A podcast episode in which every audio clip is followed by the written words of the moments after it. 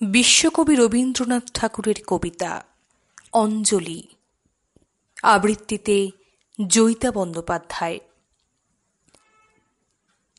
এই তীর্থ দেবতার ধরণীর মন্দির প্রাঙ্গণে যে পূজার পুষ্পাঞ্জলি সাজাইনু সযত্ন চয়নে সায়াহ্নের শেষ আয়োজন, যে পূর্ণ প্রণাম খানি মোর সারা জীবনের অন্তরের অনির্বাণ বাণী জ্বালায়ে রাখিয়া গেনু আরতির সন্ধ্যা দীপ মুখে। সে আমার নিবেদন, তোমাদের সবার সম্মুখে। হেমোর অতিথি যত, তোমরা এসেছ এ জীবনে।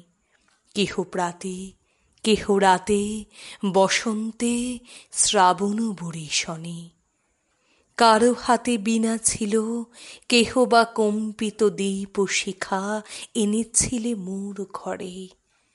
দ্বার খুলে দুরন্ত ঝটিকা, বার বার এনেছ প্রাঙ্গণে। যখন গিয়েছ চলে, দেবতার পদচিহ্ন রেখে গেছ মোর গৃহতলে। আমার দেবতা নিল তোমাদের সকলের নাম। রহিল পূজায় মোর তোমাদের সবারে প্রণাম।